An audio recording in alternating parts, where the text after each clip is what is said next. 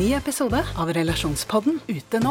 Datteren til en av lytterne våre har klippet av seg håret for å donere det bort, men nå blir hun mobbet for det. Hva kan mamma gjøre?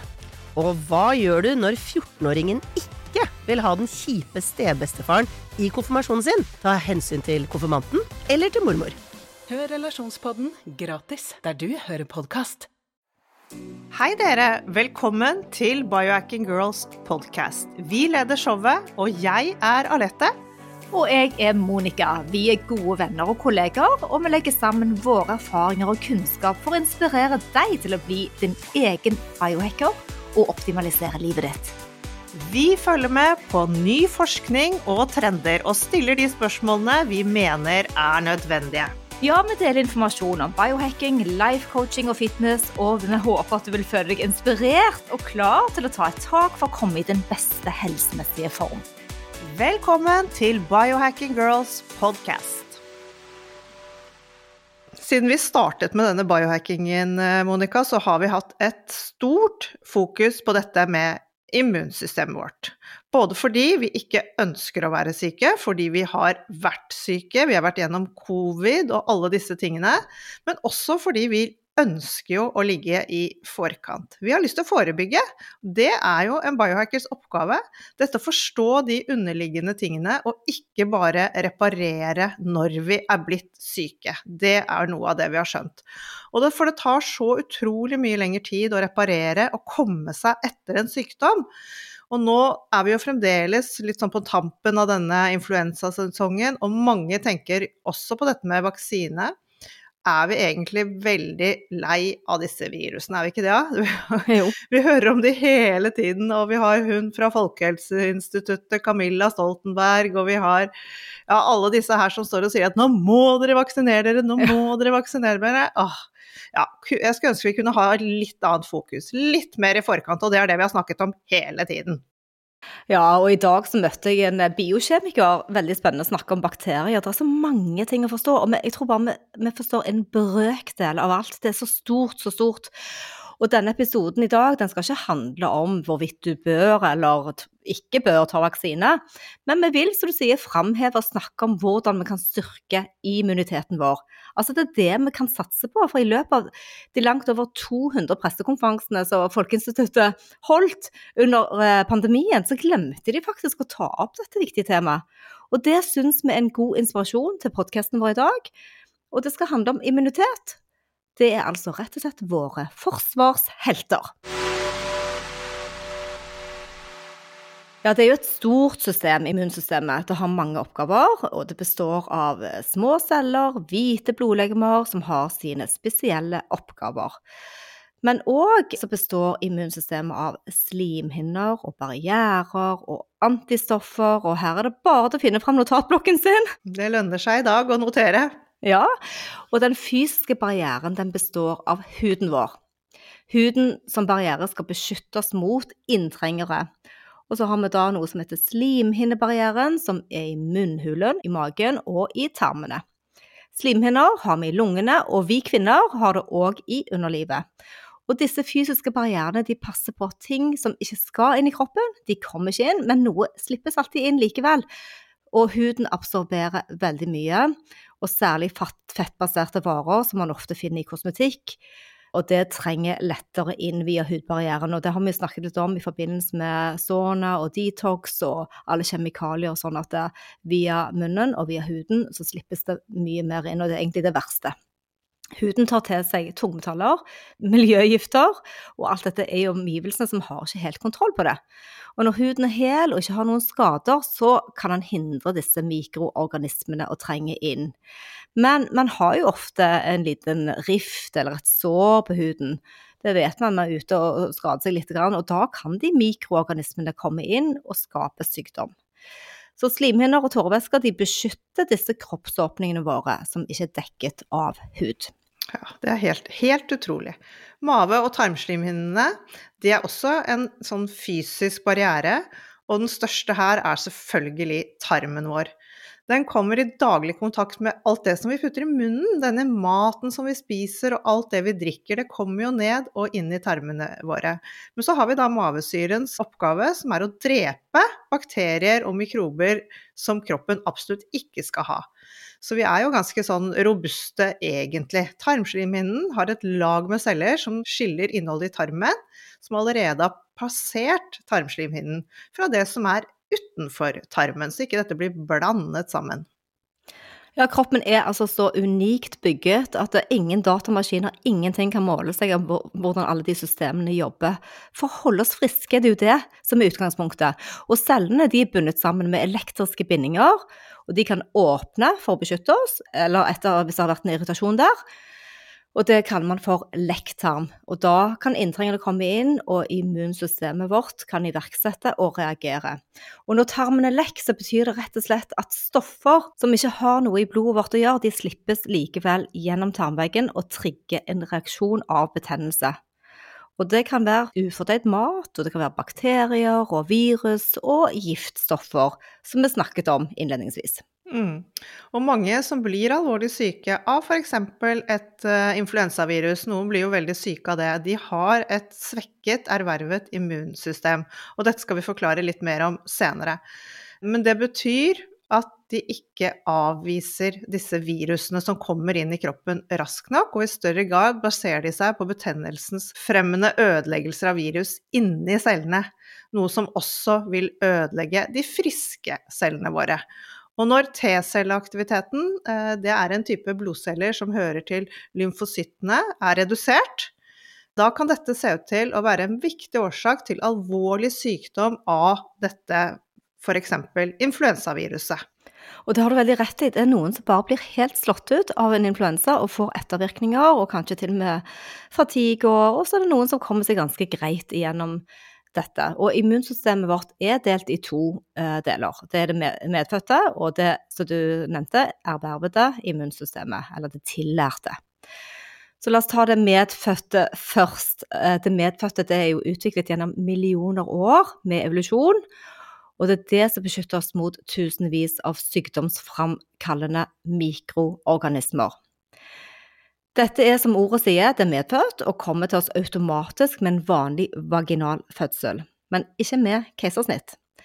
Vaginalt så skjer det da at barnet får mors bakterier, og her eh, strides de lærde litt òg om hvordan dette skjer, men i hele barndommen så utvikles dette medfødte immunsystemet, mens vi stadig utsettes for det verden har å by på av bakterier. Mm. Men er det ikke nå sånn at de uh, har funnet ut at det er så viktig med den vaginale fødselen, at selv når, folk, når babyen blir tatt med keisersnitt, så dynker de litt av disse bakteriene på barna for å få de robuste med en gang? Er ikke det blitt ganske uvanlig nå? Jo, nå er det mer forståelse for det. Det er ikke alle som visste om dette bare Nei, for noen år siden. Man visste jo ikke det. Men det medfødte immunsystemet vårt det består av naturlige killer cells, eller drepeceller. NK-celler, makrofager. Og det er en type hvite blodceller som kan spise, altså ta opp og fordøye bakterier. Eh, rett liste av døde eller ødelagte celler og andre partikler. Dette er de naturlige drepecellene som aktiveres og skal gå til angrep når nye virusvarianter og mikrober dukker opp, som f.eks. igjen ved en influensa. Men disse makrofagene, mm. de er mhm. spennende. Uh, for de er på en måte frontline-krigerne, forsvarerne av hele immunsystemet. Og de er spesialisert i å forsvare kroppen og er kontrollørene over alle organer og bindevev. Så de kontrollerer det vi kaller for homeostase, altså den indre fysiologiske likevekten eller balanse. Homeostase står for balanse. Og det er så interessant, Alette, og det er akkurat det jeg studerer for tiden med Joel Green, som har flere episoder med på podkasten, så jeg må si at det, dette er veldig uh, interessant. Ja, og han kommer jo faktisk på Biohacking Weekend til oss også. Storfint besøk, vi gleder oss. Ja, vi skal lære mer om immuniteten vår der òg. Vi kan ikke forstå helsen vår, vekten vår, eh, utfordringene vi har, eller farene vi utsettes for, uten å forstå og fokusere på immunmekanismene. Og det betyr i grunnen at vi må gi kroppene våre daglig omsorg for å optimalisere immunforsvaret. Ja, det er helt klart. Og det er immuncellene som er mestere over immunsykdommer. Makrofagene de kontrollerer som sagt den indre fysiologiske likevekten. Det er temperatur, blodtrykk, væskevolum, konsentrasjon av salter i kroppen osv. osv. Ja, for det makrofagene de healer, altså de reparerer når det er balanse, mens når de er i ubalanse, så ser man ofte sykdom. Og de har mye å si for eh, dannelsen av nye blodceller, som er utrolig viktig ledd i immunologi. Så makrofagene de utskiller stoffer som stopper formeringen av virus og hemmer bakterievekst. Og dette er oftest nok til å stoppe en infeksjon. Men hvis mikrofagenes funksjon svekkes, så øker jo òg risikoen for sykdommene. For når makrofagenes funksjon er bedre og sterkere, så er sjansen for at du blir syk litt mindre. Mm. Og dette var da en liten innføring, dere, i det medfødte immunsystemet. Bra forklart, Monica. Men vi har også det tillærte, eller det ervervede immunsystemet. Og i det finnes noen andre hvite blodlegemer, bl.a. både T-celler og B-celler. Disse skal danne antistoffer etter den første gangen man f.eks. har blitt smittet av noe. Det er jo sånn man sier at hvis du har hatt en sykdom, så tåler du den da har du liksom antistoffer for den, og ikke får den igjen. Det kan være mer beskyttet fordi kroppen da bruker disse antistoffene for å angripe det den kjenner igjen neste gang vi blir syke. Så det å bli syk i seg selv er jo ikke farlig. Da blir vi sterkere. Dette systemet handler raskt ved hjelp av sin tillærte immunitet. Det er bl.a. dette som aktiveres når man tar vaksiner også. Ja, og mye av det som setter immunsystemet vårt i fare, er jo når man enten belaster kroppen med for mye han ikke skal ha, og det kan jo være så enkle ting som stråling fra EMF, og jeg så jo helt tullete ut her når jeg var ute og reiste med både EMF-caps, jeg må vise deg den uh, eh, EMF-capsen, den er litt kul, og et EMF-sjal òg. Men det er andre ting òg som kan sette den ut, og det er giftstoffer fra kjemikalier, fremmede stoffer som er menneskeskapte og ikke naturlige, men òg stress og uro og ja, type utfordringer vi har i livene våre, sånn f.eks. at du har dårlig søvn, eller hvis du ser for mye på skjerm og blått lys, eh, kunstig belysning. Og òg faktisk om man sitter for mye i ro. Det er ting som forstyrrer vår døgnrytme. Alt det setter immunforsvaret vårt i fare. Mm. Men vi har også dette med mangler, f.eks. næring fra matvarer. Det er jo mange som spiser mye dårlig mat nå, og kroppen får ikke kanskje tilstrekkelig av den næringen den trenger. For for kroppen vår, den trenger faktisk alle de essensielle mineralene som f.eks. kalsium og magnesium og vitaminer. Det får vi også fra kostholdet vårt, og dette er viktig. Det er blant annet dette vi ofte som biohackere har mye fokus på, for det er jo en enkel ting å ta tak i. Vi spiser ja. gjerne to-tre ganger om dagen, og da kan vi jo gjøre noe med i hvert fall det, da. Og vi ser jo at det støtter og styrker immunsystemet vårt. Og da snakker vi om eh, næring fra ren mat. Høyt med proteiner og fett i kosten, det er viktig. Og vi har jo snakket om det 100 ganger før at uh, dette med den prosesserte maten, den gir oss dessverre ikke noe særlig næring. Man har også forsket og sett at sukker det har en stor innvirkning på disse T-cellene våre. Evnen svekkes i mange timer etter at man har spist dette sukkeret. Ja, det er faktisk viktig å vite om. Eh, bare det å redusere eller kutte en del av disse matvarene kan, redusere, kan iallfall hjelpe oss å optimalisere immunsystemet. Og vi er jo tilbake til det vi snakker om stadig uh, her, maten og livsstilen vår. Og det er gjort flere studier der lavkarbo, et kosthold med lite karbohydrater og mye fett, virker beskyttende på helsen og immuniteten vår. Så et ketokosthold, som vi liker veldig godt, har vist seg å stimulere immuncellene våre, både Y- og T-cellene i lungene, sånn at, kan, at immunsystemet kan gjøre jobben sin. Og da er det òg mye lettere å oppdage disse inntrengerne som stadig passerer når de får gjort jobben sin. Så studiene som er gjort, de er gjort på mus, og det er målt at et ketogent kosthold økte antallet av disse immuncellene, YRT. og musene ble mer motstandsdyktige mot virus når de da injiserte virus. Så det å redusere sukker, ultraprosessert mat og øke på med proteiner og fett, det vil rett og slett være den beste og enkleste måten til å styrke immuniteten vår. Mm. Og for immunsystemet vårt trenger altså en rekke næringsstoffer, men også dette stabile blodsukkeret. Vi snakker om ren mat som det første leddet i å styrke immuniteten. Vi kan ikke få sagt dette nok. Men, før, eh, men vi har noen gode tips vi gjerne gjør før vi blir syke. Og da er det jo å ta tilskudd hvis man har vært hos legen og ser at man mangler noe. Og noe som er fint å ta, er jo C-vitaminer.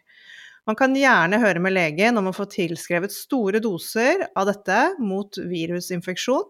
Dette kan tas oralt eller intravenøst. Det er mange forskjellige anbefalinger på dosering her. Det kommer litt an på hva du er ute etter.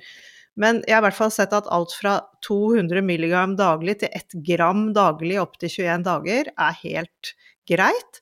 Og vi vet jo at C-vitamin det er jo et vannløselig vitamin, så det verste som skjer er at man tisser det ut. Mm. Og om du blir syk og har en virus, så har vi iallfall testet hydrogenperoksid, H202, som er formelen. Og vi har benyttet dette med en forstøver, eller det man på engelsk kaller en nebulizer. Og den kan man bruke ved flere varianter av sykdommer, type bronkitt og lungebetennelse, øvre luftveisinfeksjoner, covid-19 samia og influensa. Og andre typer sånn virale infeksjoner. Og det er da en antipatogenisk behandling som kan hjelpe med å redusere symptomene. Alt fra parasitter til stoppinfeksjon. Og vi bruker da en 3% peroksid som er basert på dr. Brownsteins protokoll, som også støttes av dr. Joseph Mercola. Men eh, det er mange som foretrekker 1 peroksid, og paradoksalt nok så må du få den på resept i Norge, 1-prosenteren.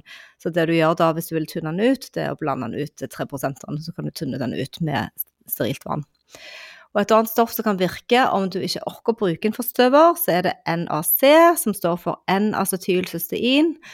Og da, den siste boken til eh, dr. Mark Hyman i Young Forever, der anbefaler han 600 mg to ganger daglig med NAC. Jeg tar ofte 1000 mg annenhver dag, basert på Joel Green, så du må bare snakke med legen din eller finne ut hvordan det passer for deg. Og disse er essensielle og viktige for funksjoner i kroppen som uh, produksjon av glutation, som er kroppens egen avgiftningsprosess, og det å regulere nevrotransmittere og lindre luftveisplager. Så kan du òg kjøpe, eh, det har jeg alltid stående i hus, bronkylforte Bronkyl forte på 600 mg på apoteket uten resept. Og det er et viktig stoff i kroppen som er en forløper for det vi snakket om, enzymet som heter glutation, sånn at kroppen kan lage det. Så man kan ta dette som brustabletter, og det hjelper det lokale immunsystemet i bronkiene og demper betennelse og øke da, som nevnt, glutation. Og det er jo bra for avgiftningsprosessen òg av tungmetaller og sånn, så det er fint om du har astma eller allergier. Men det er iallfall fint å ha det i hus, bronkylforte. Mm. Og glutation, det er jo det kalles jo ofte for master antioxidant. Det er en stor betydning for å beskytte cellene våre. Og ja, den nacken du snakket om, den er jo bare helt gull i dette her. For den hjelper jo med å, at glutation funker som bare det. Og så er det dette med D-vitaminer. Det er eh, ikke et vitamin, men det er et viktig hormon som produseres i huden når vi får sol. Den reagerer med kolesterolet utenfor og fører til produksjon av D-vitamin. Dette hormonet regulerer ca. 1000 gener som har med immunsystemet vårt å gjøre. Det er kjempeviktig. Dette er noe man primært skal lage selv ved å være ute, og det er jo det vi er skapt for. Så det er viktig. Kom dere ut i solen nå, begynner det snart å bli litt mer solskinn. Og når D-vitaminnivåene våre blir svekket, eh, så blir også makrofagene svekket. Og utover høsten så faller jo disse nivåene, og da kan det være lurt å ta tilskudd hvis man har veldig lave verdier, særlig hos oss i Norge, hvor vi ikke har noe UVB på vinteren. Dette kan måles, og så har du full kontroll på hvor mye D-vitamin du har. Vi har en egen episode om D-vitaminer som du kan lytte til for å få enda mer gode tips i forhold til dette. Vi legger en link under. Og no, no, de normale verdiene Jeg tok akkurat D-vitaminprøve, og da sto det sånn, sånn Hva kalte vi det? Sånn munn. Krokodillemunn under 75. Det var innafor. Og så, så, så, mellom 50 til 150 er vel eh, det de sier er helt ok, men vi som biohackere tenker at 120 og 150 er kanskje mer å prøve seg på. Fordi når dette nivået er optimalt, er målet å holde det oppe. Og det som er, er at de som er litt eldre, de som er mørkhudede og de som er overvektige, de har veldig ofte et lavere nivå og har vanskeligheter med å få opp D-vitaminnivået sitt uten tilskudd. Det vet vi. Så hva ligger din nivå på nå Alette? Nå var jeg på 105, Ja. men jeg har faktisk ikke tatt tilskudd i hele vinter, i og med at jeg var på Hawaii. Så det var egentlig et hack jeg skulle teste nå, om jeg klarte meg over vinteren. Men når jeg så 105, så ble jeg helt sånn satt frem D-vitaminene mine med en gang. Jeg vil ha høyere tall. Og dette, jeg har 150, og jeg har heller ikke tatt mye tilskudd på det. Men vi har vært en del i solen, og så tror jeg òg at centen som du tar, og jeg òg tar, i perioder, gjør jo òg da at uh, huden er såpass mye mer beskyttet, så du får bedre opptak av D-vitamin uh, når du er i solen, ikke sant? Mm. Og så har vi, har vi jo begge også vært veldig flinke med dette med morgenlyset, og det er jo det som setter i gang uh, at du tåler solen senere på dagen og vil begynne å produsere D-vitamin. Men det er klart at, ja, å produsere, men det er klart Ja. at du får ikke D-vitaminproduksjon hele året i Norge når solen står så lavt. Nei.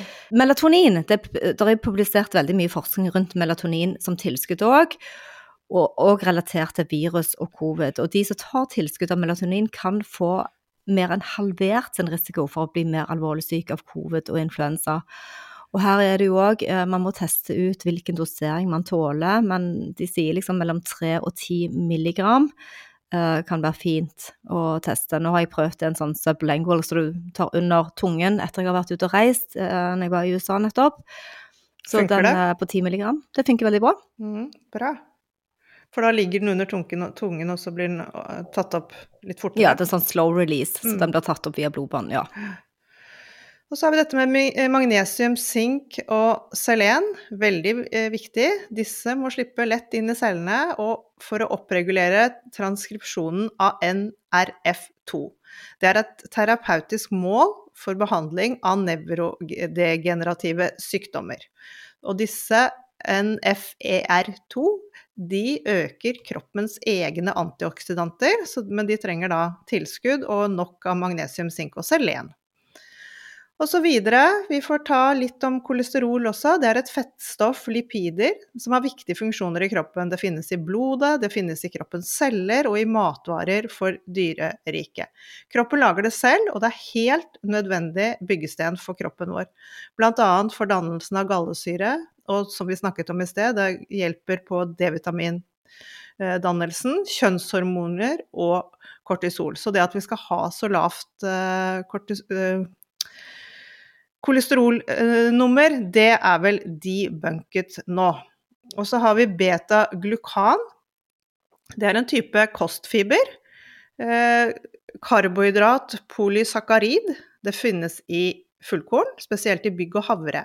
Det finnes også i sopp, lav og alger. Og dette er nå funnet ut at dette vil også bidra til å styrke immunforsvaret vårt og få i oss dette.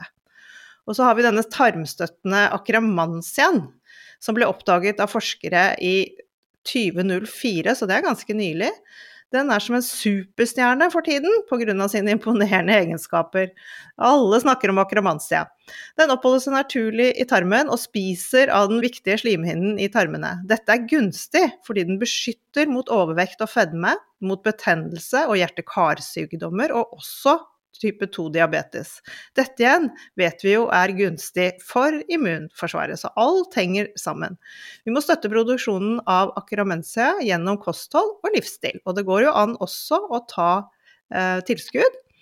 Eh, og fermentert mat hjelper for å få mer akkermansia. Ja. Absolutt. Det, man kan spise um, granateplekjerner og, Ja. og kan også få sjekket nivåene. Det kan man gjøre på en mikrobiometest eh, med Eva B. Andersson, som vi har hatt flere ganger på podkasten, eventuelt. Hvis man vil sjekke det. Og så er det òg dette med alle de tilskuddene vi nevner. Vi tar jo ingenting konstant hele tiden. Sant? Så det er i perioder når vi er litt mer utsatt, og vi vet kanskje at vi er litt mer sårbare. eh, skal ut og reise, sitte på fly utsatt for aircondition, eller at du skal i andre miljøer, så da kan det hende at det er lurt å booste litt med noen av disse i forkant, og i alle fall eh, sjekke blodprøvene. Men det er jo mange andre ting også som spiller inn, og ikke, denne episoden skal ikke vare i 100 år, men, men dette med god søvn og det å håndtere stress, det kommer vi stadig tilbake til, fordi at det, sånn som på hjertehelse, så vet vi jo at en tredjedel av eh, hjertelidelser har årsak i stress og ja, mestring og stress. Så både det med uro og bekymringer, det trigger immunsystemet vårt veldig. Og vi bekymrer oss altfor ofte over ting som aldri skjer. Så dette tærer jo bare på energien vår. Så det er fint å være klar over hva man kan, og hva man ikke kan gjøre med akkurat det. Prøve å akseptere det man ikke kan endre, for stress blir òg påvirket av våre nære relasjoner med familie og venner som man er glad i. Så kanskje det å gi seg sjøl litt slack og snakke fint til seg sjøl kan være en god ting.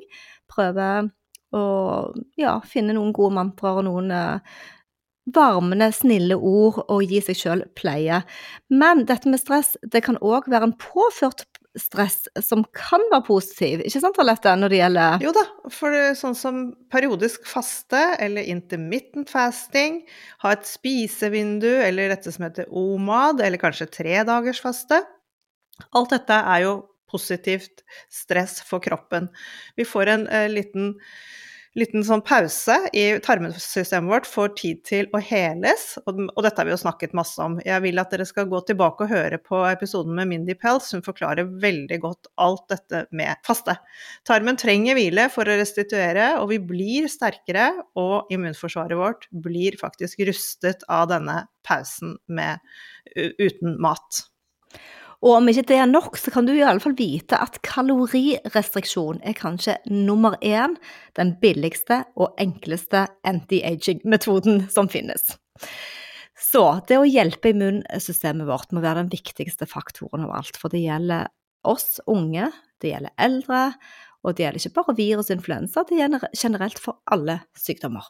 Ja, kreft, hjerte-karsykdommer. Fremtiden ligger i immunterapi. Og sånn sett er vi også inne på noe stort og nytt med immune-centric approach, eh, Monica. Slik som ja. Joel Green lærer. Jeg er så glad for at jeg lærer dette gjennom deg. Fordi du får brynt deg litt, og jeg lærer det litt enklere. Nå håper vi du fikk noen gode tips, og at du lærte litt om immunmekanismene. Og husk, som alltid, if you can't track it, you can't hack, you can't it. hack it. Nemlig. Det er mantraet vårt. Det er betydning. og og, og, viktig å vite sine blodverdier. Og det er viktig å snakke med legen din, og, en, og, del gjerne denne episoden med han eller henne om det skulle være noe som helst skepsis der ute blant de du forholder deg til. Yes, for det går faktisk an å bare sende en podkast til fastlegen som kanskje ikke helt tror på det du da har hørt av oss. Ja, jeg, jeg har levert bøker til min fastlege. Ja, sånn skal det være. Vi skal ha en åpen dialog og inspirere hverandre. Så tar vi litt feil kanskje òg av og til, men da er det jo bare til å lese nye studier. Det er akkurat det. Men tusen takk for at du lyttet. Da gjenstår det nok en gang å ønske alle en god uke og happy, happy biohacking. biohacking.